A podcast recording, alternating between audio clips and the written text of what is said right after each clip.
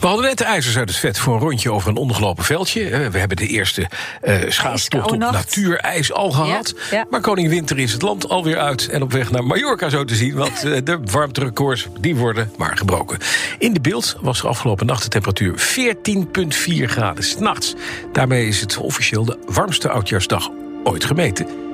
Bevroren slootjes, fietsen tegen een ijskoude wind, een wolkje adem in de koude lucht zocht ons de voorruit van de auto krabben en langzaam rijdend verkeer door IJssel op de weg.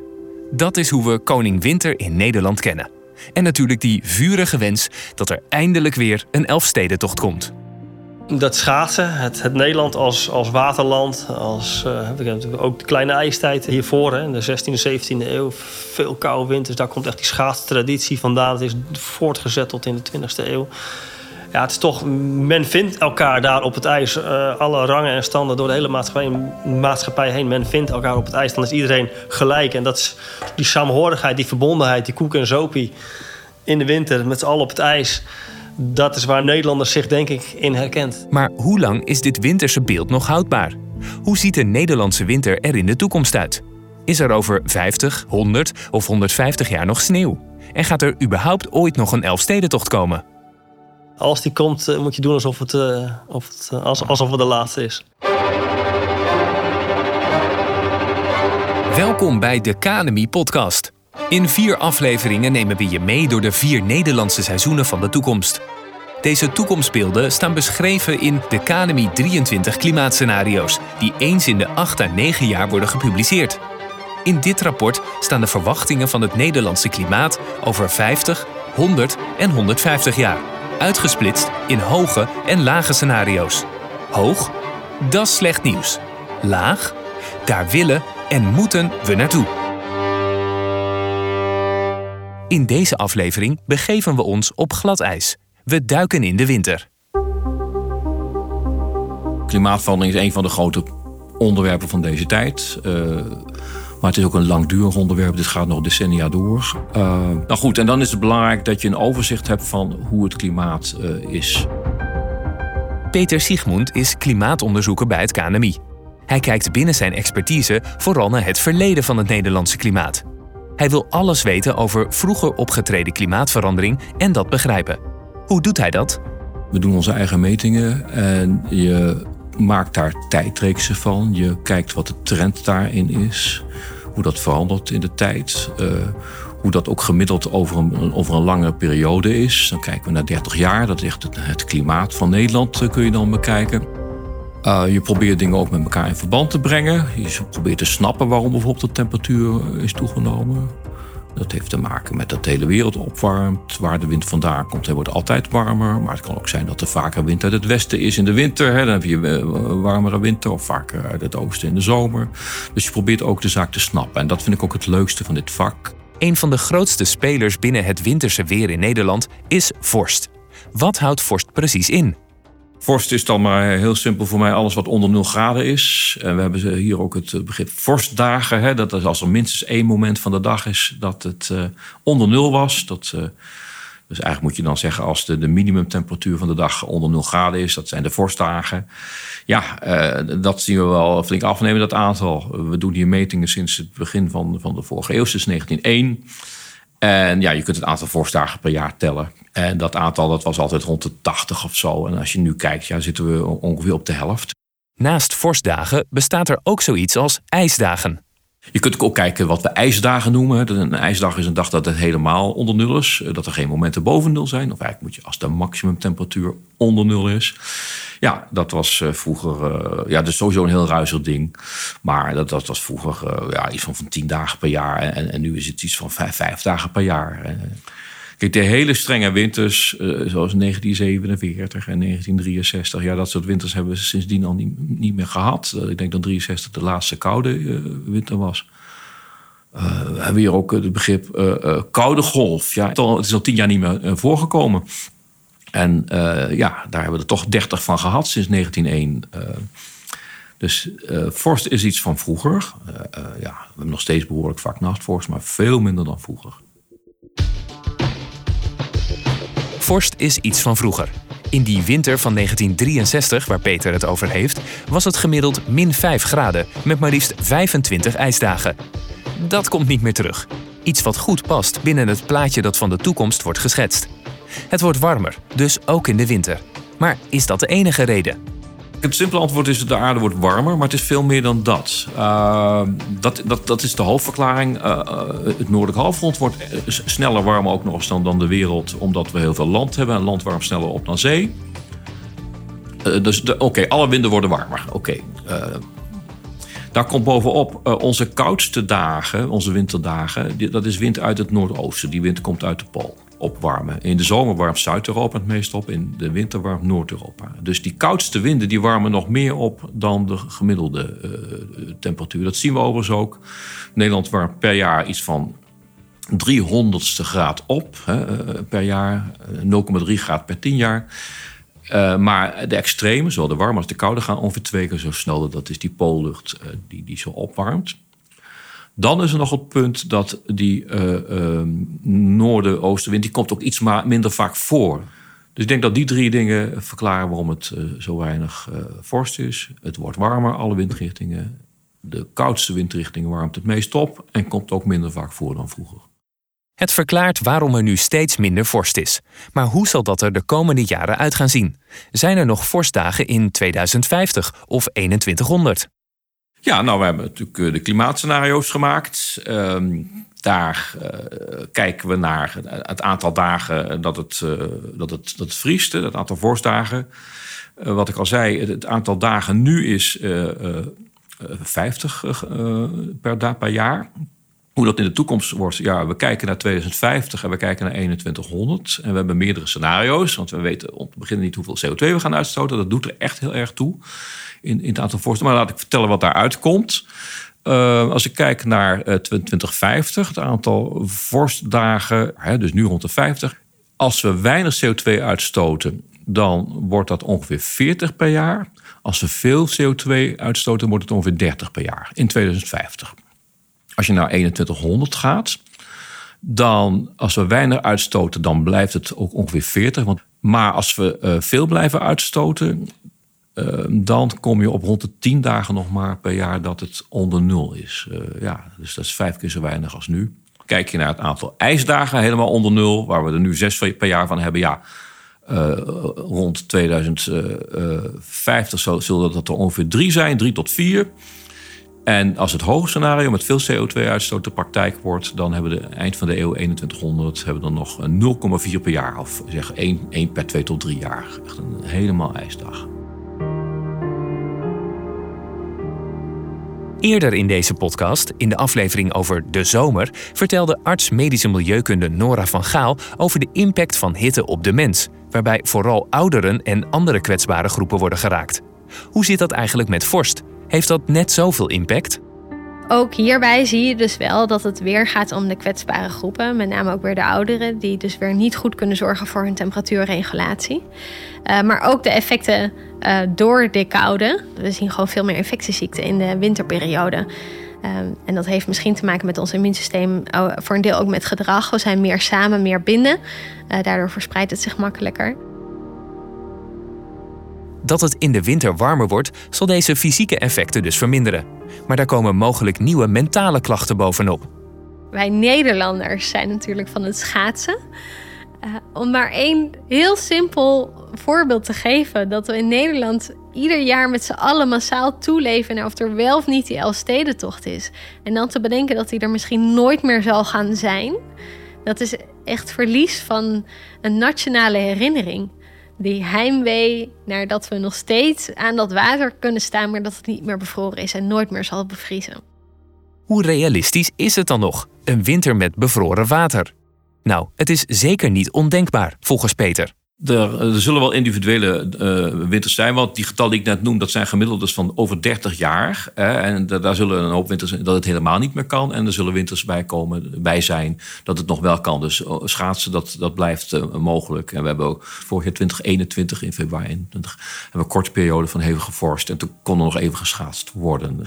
Dus het schaatsen wil ik niet afschaffen, zeg maar. Dat gaat blijven gebeuren. Maar ja, het wordt wel lastiger, ja. Schaatsen zal dus nog kunnen. Maar hoe zit dat met de Elfstedentocht? Daar is meer voor nodig dan een bevroren meertje. Hisso Homan is veiligheidsmeteoroloog bij het KNMI, waar hij werkt aan de verwachtingen en waarschuwingen rondom codes geel, oranje en rood. Maar hij heeft ook nog een eretitel, Elfstedenmeteoroloog. Samen met zijn collega Tom Zwagers kijkt hij naar de eerste signalen van vorst. Informatie die zeer welkom is voor alle schaatsfanaten in ons land. Een perfecte taak voor Hisso. Uh, nee, ik ben zelf ook een enorm schaatsliefhebber. Uh, ik ben ook, ook lid van de Elfstedenvereniging. Dus als die komt, mag ik hem schaatsen. Nee, als, als klein jongetje las ik alle, alle krantenartikels, speurde af op, op weersverwachting met hoge drukgebieden op de goede positie op Scandinavië, met koude lucht uit Rusland. En nou, dat, dat waren echt, oh, dat waren mooie situaties. Die passie had ik al van winterweer, schaatsen, sneeuw. Ik werd daar ja, heel erg enthousiast van, zeg maar.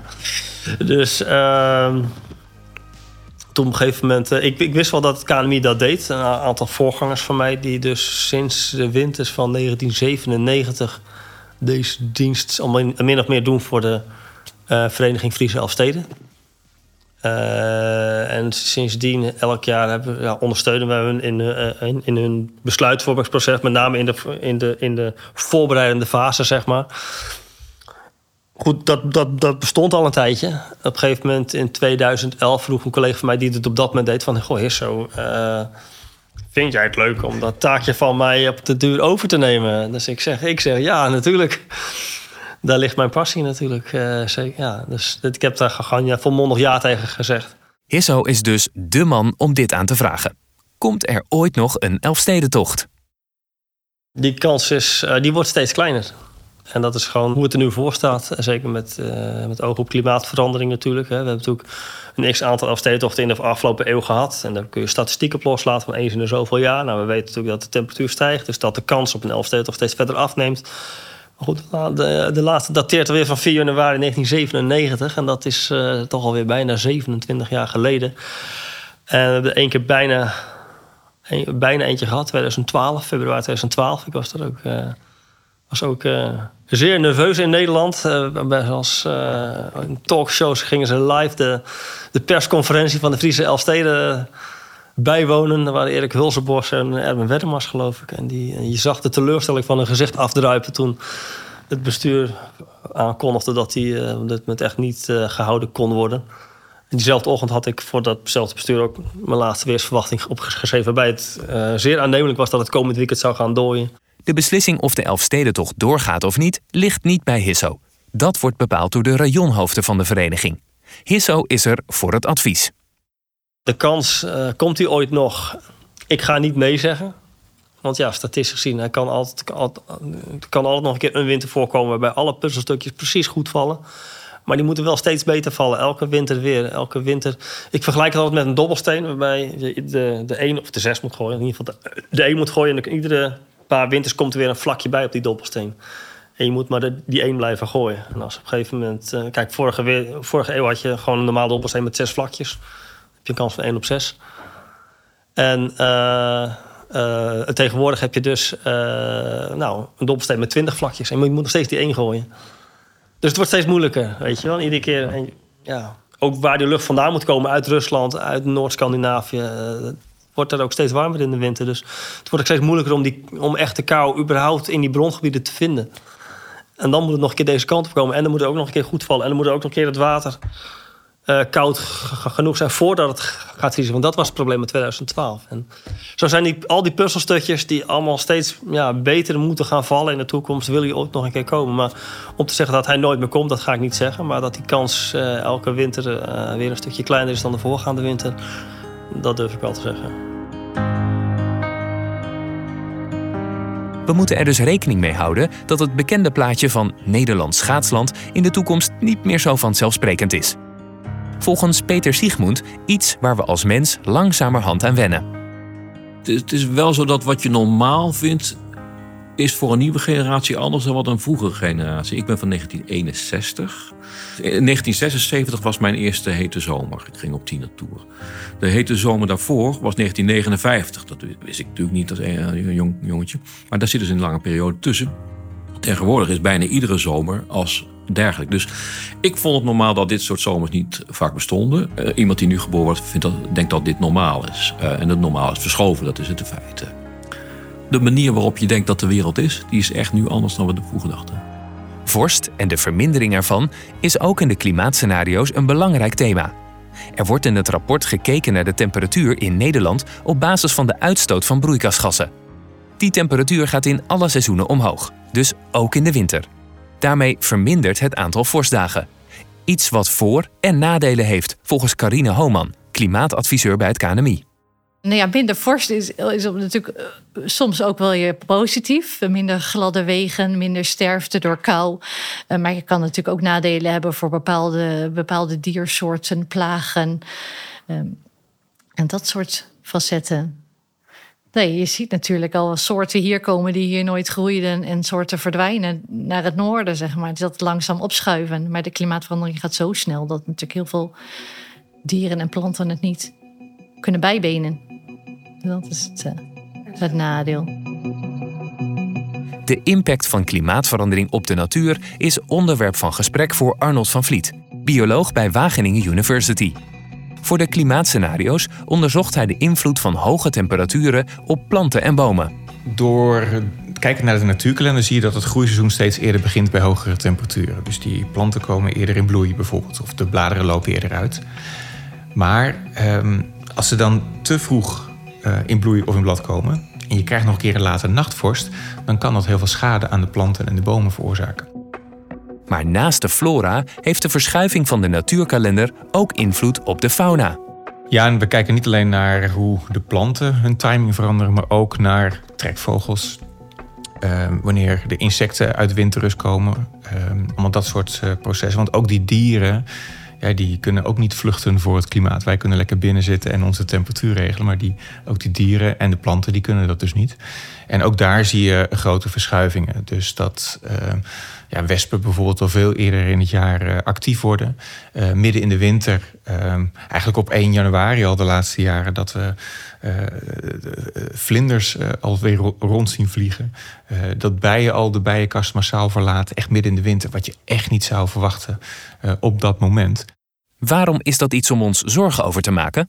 ja, net als bij planten die uh, vorstschade kunnen oplopen als ze te vroeg actief worden, geldt het ook eigenlijk voor allerlei insectensoorten. Als die te vroeg wakker worden uh, door hele hoge wintertemperaturen, worden ze extra kwetsbaar om uiteindelijk die hele winter nog te kunnen doorkomen. Want de kans op vorst, zeker als je in januari al wakker wordt, de kans op vorst in die maanden daarna is gewoon nog heel groot. Uh, en dat zien we de afgelopen jaren. Ook dit jaar is dat toch wel een van de mogelijke oorzaken waarom we zo weinig insecten hebben gezien uh, dit voorjaar.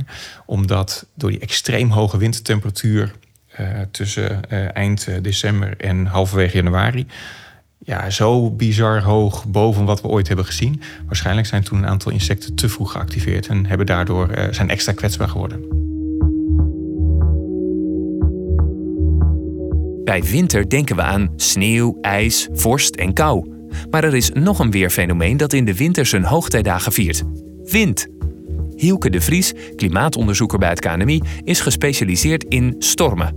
Hoe hard waait het eigenlijk gemiddeld in Nederland? Hoe hard het gemiddeld waait in Nederland hangt ontzettend af van de plaats waar je zit. meer naar het binnenland waait het gemiddeld veel zachter. Dat merk je al. Ik woon uh, in de buurt van Amsterdam. Daar waait het al een stuk harder dan in Utrecht, waar we nu zitten, of bij de beeld. En ga je naar Maastricht, dan waait het nog weer minder. Dus, en aan de kust waait het, hè, waait het weer hard. Dus op de vraag hoe hard waait het gemiddeld in Nederland? Tussen de 3 en 5 meter per seconde. En dan moeten we het, detail opzoeken in, in de beeld. Maar het belangrijkste is om gewoon te onthouden dat wind heel variabel is. Dus dat de gemiddelde wind misschien wel iets zegt, maar lang niet alles. En dat die varieert binnen Nederland. En boven zee sterker is. Wind, stormen, orkanen. Wat is nou eigenlijk wat?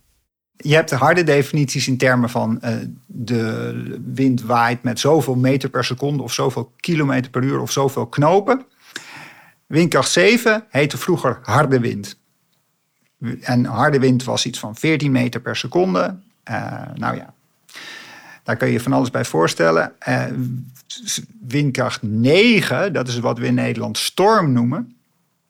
En dat is als de wind uurgemiddeld meer dan 75 km per uur is. Dat is best veel. 75 km per uur. Dan staat er schoorsteenkappen en dakpannen waaien weg en kinderen waaien om. Ga je verder, krijg je zware storm, windkracht 10. Een zeer zware storm, windkracht 11. En windkracht 12, uh, dat noemen we dan orkaankracht. En, ja, en dan, er staat, geloof ik, totale verwoesting of vernielingen of zo, grootschalige vernieling. Ik weet niet. Dat, gaat er heel veel stuk. Dat hebben we gelukkig maar heel weinig. Ehm, maar dat zijn dus orkanen. Dus dat is wanneer de windsnelheid boven de 117 km per uur komt. Dus als jij in je auto, als je een auto hebt, 117 km per uur rijdt, of je kijkt naar buiten als je in de trein zit, dat is hoe hard de wind dan waait. Of harder. En van die grote verwoestende orkanen kunnen die gaan voorkomen in Nederland? Wij hebben een paar jaar geleden uh, Hurricane Ophelia in de buurt gehad. Dat was een tropische orkaan die ontstaan was op de Atlantische Oceaan, maar niet al te ver bij ons vandaan. En die raakte toen Ierland. En toen zag hij er nog bijna uit. Hij was toen wel al extra tropisch geworden. Dus zijn structuur leek niet meer helemaal op een tropische orkaan zoals we die standaard kennen. Zo'n plaatje met zo'n cirkel met een oog erin en heel veel wind, heel veel regen. Was wel eentje die in de buurt kwam. De dag daarna stond KNMI hier, uh, stonden we met z'n allen in een zaaltje. Wat moeten we hiermee? Rijkswaterstaat belde ons, die zei, kan dit, kan dit ook in Nederland? is dit wat, er, wat, wat gebeurde hier? En wat wij zien, en wat logisch is, die aarde die warmt op, die oceanen warmen op, die warmen niet, niet, niet alleen maar daar in de tropen op, die warmen overal op. Dus die orkanen die kunnen steeds noordelijker ontstaan. En die kunnen steeds sneller sterk worden en dan naar het noorden afbuigen. Dus het is logisch om te verwachten dat een deel daarvan misschien Europa gaat bereiken. In de aflevering over de herfst hoorden we dat neerslag in Nederland zal toenemen. Hoe ziet de toekomst van storm in Nederland eruit? Wat kunnen we verwachten en hoe verhouden die twee zich tot elkaar? We zien dat in de toekomst van die extreme regenbuien vaker gepaard gaan met uh, harde windvlagen. En dat is dus ook een, een, een soort risico dat als die buien intenser worden, dat ze ook vaker gepaard gaan met met die harde wind. En daardoor een soort gecombineerd effect. Dat noemen we compound. Dus effecten die dan bij elkaar horen. En dat is vaak wat je ziet met wind. Daar, daar zit meer bij, of bij regenbuien zit meer. Hetzelfde geldt voor die winterstormen. Die winterstormen, ook al verandert daar niet zoveel mee, die worden wel warmer. En warmer betekent dat ze meer water gaan geven. Dus hoewel die wind, dat windveld van die storm misschien dan niet eens zo extreem veel verandert, geven ze wel meer regen. En die combinatie van extreme neerslag en extreme wind brengt de nodige risico's met zich mee. Want ook dit heeft invloed op de zeespiegelstijging. Winterstormen zijn voor Nederland met name gevaarlijk omdat ze voor de kust hoogwater kunnen geven. We hebben allemaal in ons hoofd die 1953, dat de dijken doorbraken in Zeeland. Dat kwam door hoogwater en noordwestenstorm. In Nederland heb je dus stormopzet noemen we dat, ten gevolge van de storm. Maar een van de andere aspecten die, die, die optreden bij klimaatverandering is dat die zeespiegel stijgt. dus wat krijg je in de toekomst? Als drie meter het kritische niveau is dat je kunt bereiken, en daarvan komt twee meter door de opzet van. Uh, of, of, of, in het huidige klimaat heb je drie meter nodig om, om die kritische stand te bereiken. Dan kun je je voorstellen dat als jij een halve meter zeespiegelstijging uh, voor de kust hebt liggen, dat je eigenlijk nog maar 2,5 meter wateropzet nodig hebt. Nou, in een storm, windkracht 11 geeft 3 meter, maar een storm van windkracht 9, die geeft misschien 2,5 meter. Dus je kunt je voorstellen dat zelfs als de wind totaal niet verandert, die zeespiegelstijging ertoe leidt dat je veel vaker hoogwater hebt uh, voor de kust. Die verandering van die toestand die dan gevaarlijk hoog water zou geven, ja, die neemt eh, natuurlijk toe met die uh, toename van de zeespiegelstijging.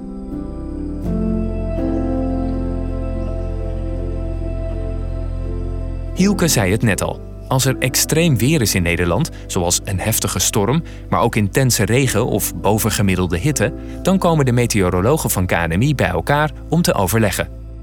In de Weerkamer in de beeld worden de risico's en mogelijke gevolgen van het huidige of naderende weer ingeschat en wordt besloten of Nederland moet worden gewaarschuwd. Iemand die vaak in de Weerkamer te vinden is, is Rob Sluiter. Hij weet alles over code rood, code oranje en code geel. Dat hele systeem is in Nederland over de afgelopen, nou pak een beetje 20, 25 jaar ontstaan. Waarbij we natuurlijk uh, vanuit de kennis die we hebben, omdat we op een gegeven moment bij bepaalde, ik noem maar even het voorbeeld van de wind, bij een bepaalde windsnelheid, weten we uit ervaring van, joh, als we dat halen, dan beginnen we dit soort effecten in Nederland te zien. Dan waaien er bomen om. Een boom waait in de zomer op een wat eerder moment over het algemeen om dan in de winter, want er zitten er blaadjes aan. Dus um, dat soort impact zit eigenlijk al verwerkt in de drempelwaarden die wij hebben. En een code geel en een code oranje, die worden afgegeven bij het overschrijden van een bepaalde drempelwaarde. En er moet een bepaalde kans zijn. Als er 10% kans is op heel veel wind, dan uh, kan het alsnog gebeuren. Maar dan geven wij op dit moment, in ieder geval voor het algemeen publiek, geen code oranje uit.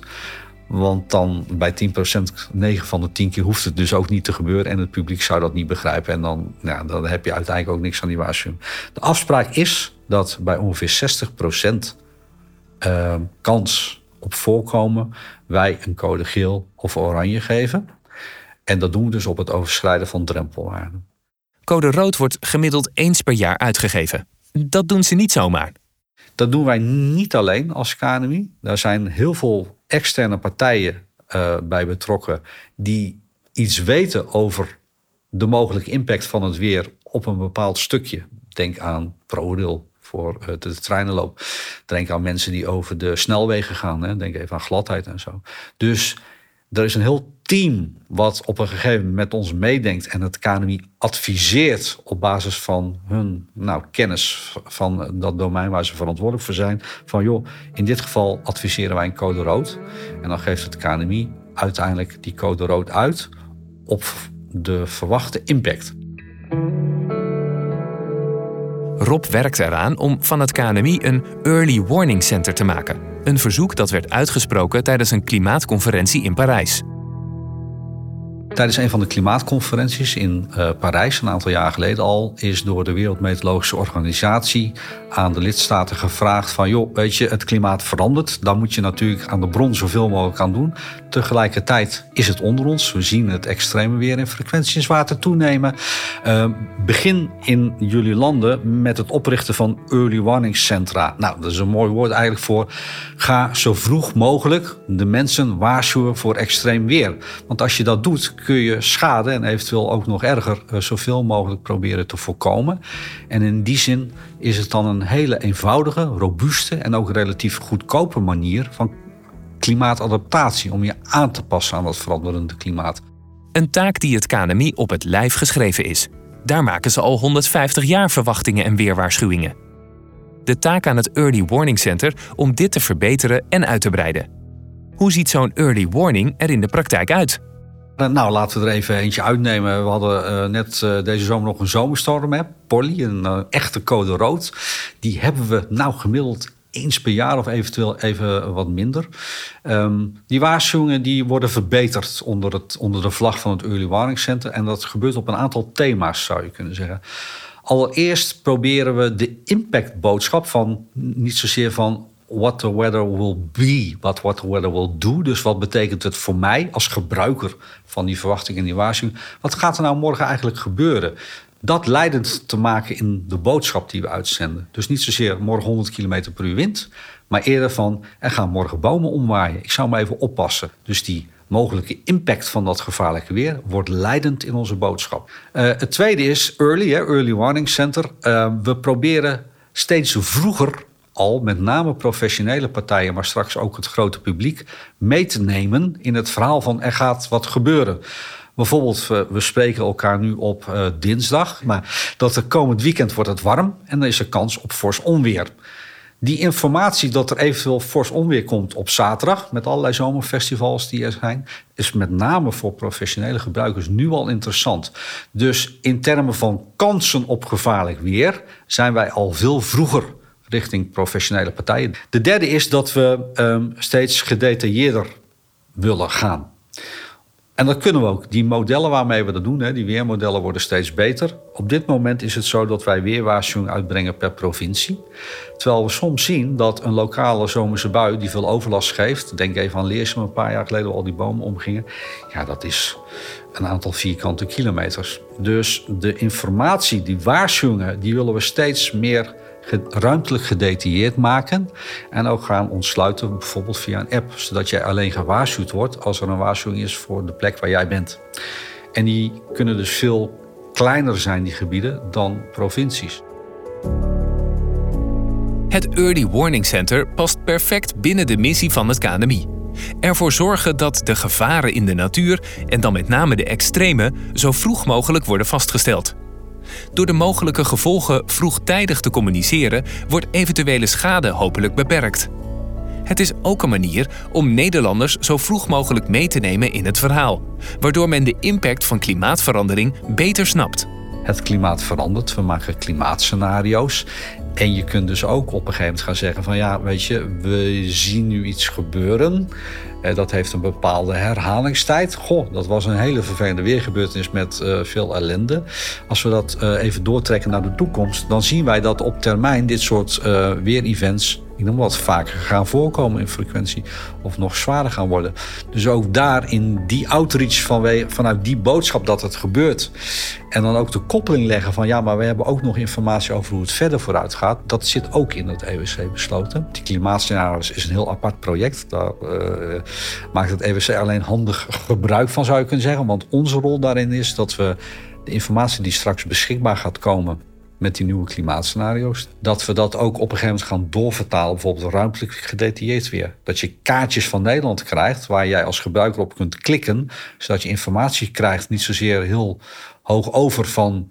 Um, we krijgen zoveel tropische dagen erbij, of uh, de, de maximumtemperatuur gaat uh, zo stijgen. Maar dat je ook echt ziet wat voor jouw gebied dat gaat betekenen. Want op die manier verwachten wij dat ook mensen veel eerder ja, de boodschap meekrijgen van ja, maar wat, wat betekent dat dan? Als we weten wat het betekent, weten we ook welke maatregelen we kunnen treffen om zo goed mogelijk met die weerextremen om te gaan. Zo ook in huis. Want wat is nou een duurzame manier om met kou in de winter om te gaan? Marieke Stolk van Milieu Centraal geeft praktische tips en tricks. Nou ja, inderdaad, om de kou buitenshuis te, te houden, heb je goede isolatie van je, van je woning uh, nodig. En dat kun je echt dat voel je natuurlijk in je comfort, dat het uh, minder tochtig en uh, minder koud is in huis, maar ook in je energierekening.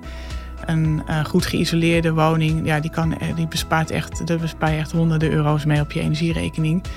Maar ook maak je daarmee heel veel klimaatwinst, want je, je gebruikt gewoon veel minder gas.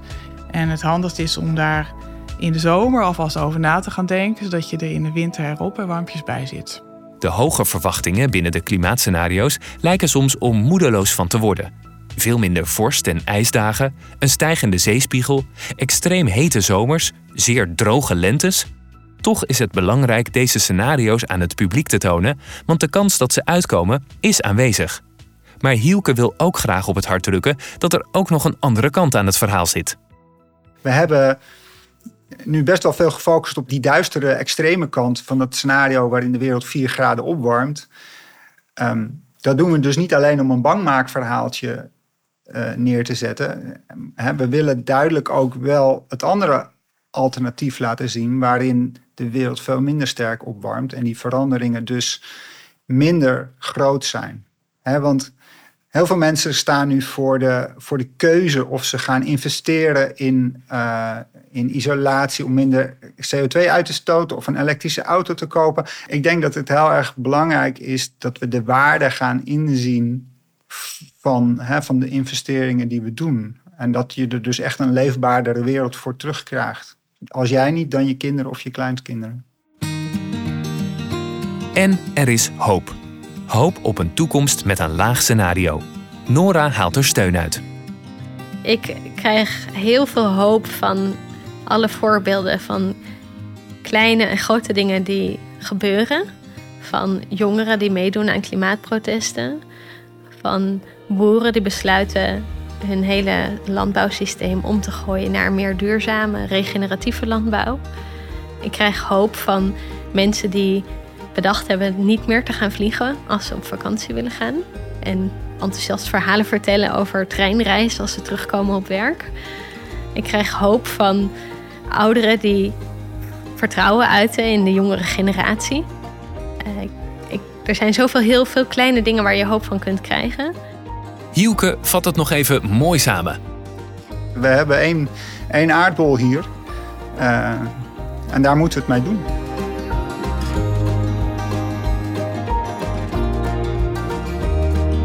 Bedankt voor het luisteren naar de winteraflevering van de Academy Podcast. Een serie geproduceerd door Potworks.